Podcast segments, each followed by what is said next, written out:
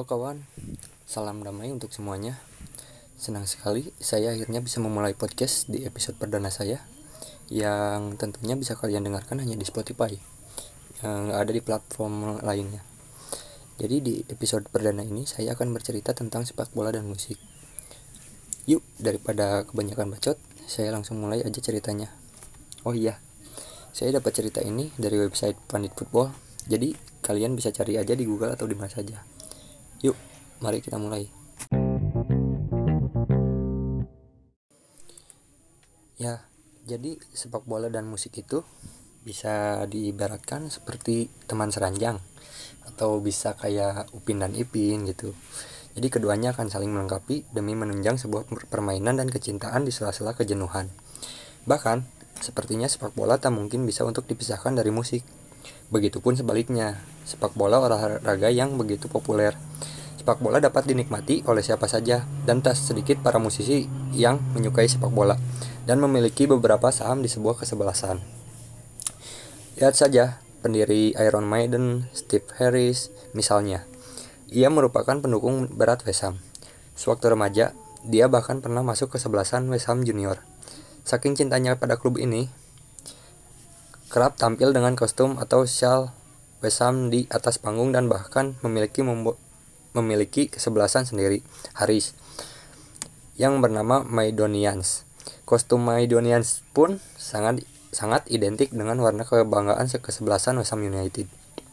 Jadi sampai sekarang ia juga masih sering melakukan meluangkan waktunya untuk datang ke stadion dan bermain gelembung udara sambil menyanyikan lagu yang terkenal itu di West Ham, Forever Blowing Bubble. Lagu yang ditulis oleh John Kellett. Haris paham benar bagaimana cara meluangkan waktu untuk kecintaannya pada sepak bola dengan pilihan karirnya sebagai musisi.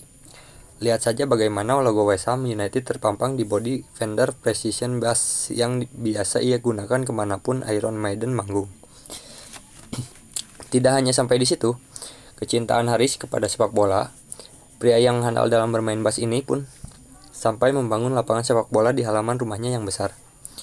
Itu Haris, lain halnya dengan Rod Stewart, penyanyi asal Inggris yang keturunan Skotlandia. Ini merupakan penggemar berat Glasgow Celtic Pelantun lagu Sailing ini bahkan tak hanya sekadar menyukai Celtic. Stewart juga memiliki sebagian saham di kesebelasan tersebut. Saat Chelsea Celtic mengalahkan Barcelona di babak grup Liga Champions 2012, Stewart yang hadir di stadion tampak menitikan air mata karena terharu.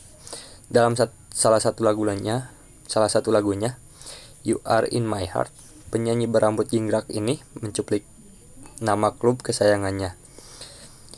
You, you are Celtic United or but baby. Decide you are the best team that forever seen. Selain Stewart dan ada juga Roger Daltrey, vokalis The Who, juga begitu mencintai sepak bola. Arsenal pun merupakan kesebelasan yang dicintainya, begitu juga dengan Mick Jagger, yang merupakan pendukung setia tim berjulukan Meriam London. Arsenal ya tersebut dan salah satu contoh lainnya adalah Noel Gallagher frontman band Oasis ini merupakan pendukung setia Manchester City. Dia kerap terlihat di mana pun The Citizen tampil. Namun, itu hanya beberapa contoh per, keterkaitan musisi dengan sepak bola. Bagaimana dengan sepak bola yang begitu membutuhkan musik? Kita bisa melihat bagaimana musik menjadi alat yang sering digunakan pesepak bola untuk merelaksasi serta untuk mencairkan suasana di dalam ruang permainan. Para pemain sepak bola sangat sering mendengarkan musik sembari melakukan pemanasan menjelang pertandingan dengan menggunakan headset.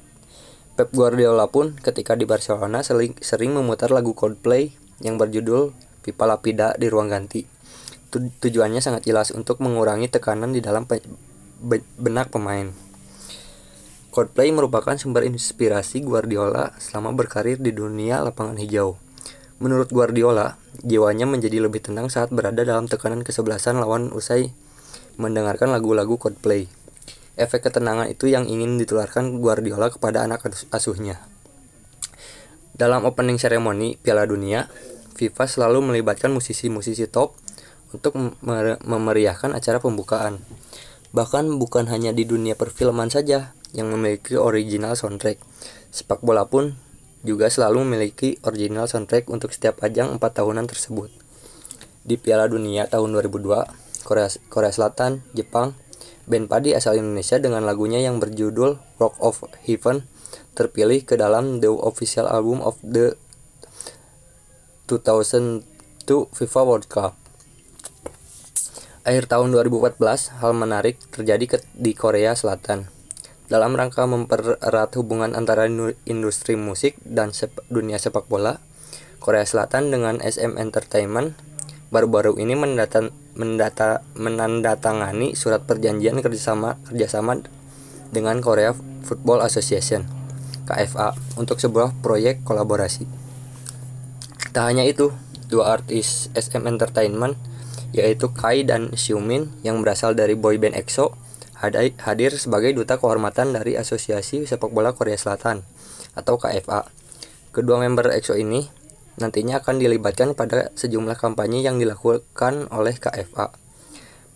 Penandatanganan surat perjanjian kerjasama ini diharapkan akan menciptakan sebuah kolaborasi yang saling menguntungkan antara sepak bola Korea dan gelombang Hallyu melalui pertukaran antara olahraga dan juga industri hiburan.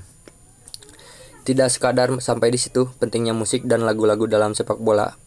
Bagi setiap pengurus kesehat kesebelasan, musik kini menjadi alat pemeriah menjelang pertandingan.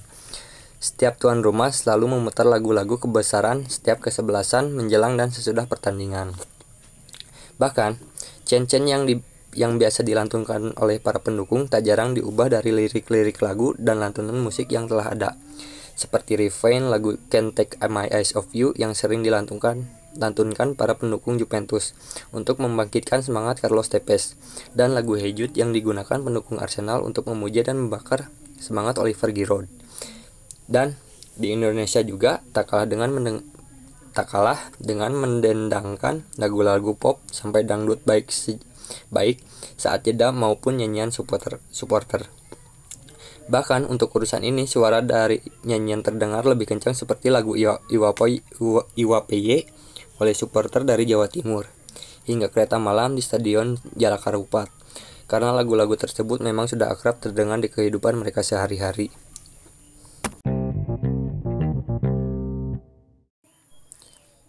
Ya mungkin segitu aja ceritanya.